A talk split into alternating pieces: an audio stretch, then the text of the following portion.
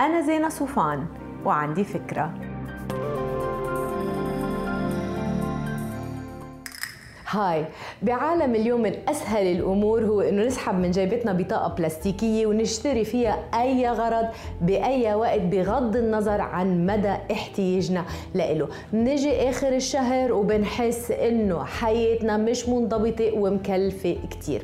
في شوية تمارين بنصحكم تتبعوها لانها رح تساعدكم تحطوا الأمور بنصابها وتتأكدوا إنه هيدا الإنفاق يلي عم تعملوه فايدته أكثر من ضرره على صحتكم المالية. احسبوا أول شيء قديش أنتم بتتقاضوا مال لقاء كل ساعة عمل. قسموا مرتبكم الشهري على عدد ساعات عملكم. وشوفوا بلحظة الشراء كم ساعة عمل بيساوي ثمن الغرض يلي أنتم عم بتفكروا إنكم تشتروه.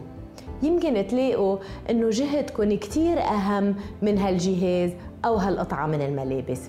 راجعوا كمان بعض الأهداف قصيرة المدى أو متوسطة المدى اللي أنتم حاطينها يمكن رحلة السفر بالإجازة الصيفية.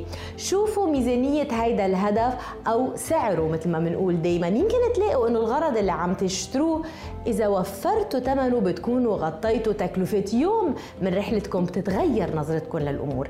دائما بنقول صعب نمنع حالنا من الشراء إذا نحن ما عندنا صورة واضحة وين الفلوس اللي عم نوفرها راح تروح وممكن تستغل بشكل أفضل.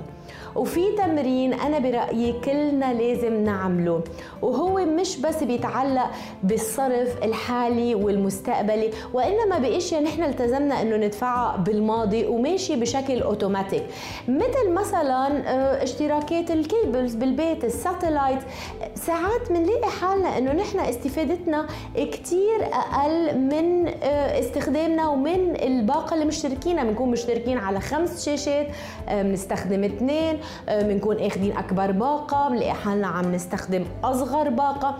بدي إياكم تفكروا بهاي الطريقة كمان لما تعملوا مراجعات لكافة الاشتراكات اللي أنتم عاملينها نوادي وغيرها وإياكم تستقلوا بهيدي المصاريف. ما تنسوا تعملوا download للفكرة تعطوها rating وتساعدوني بنشرها. bye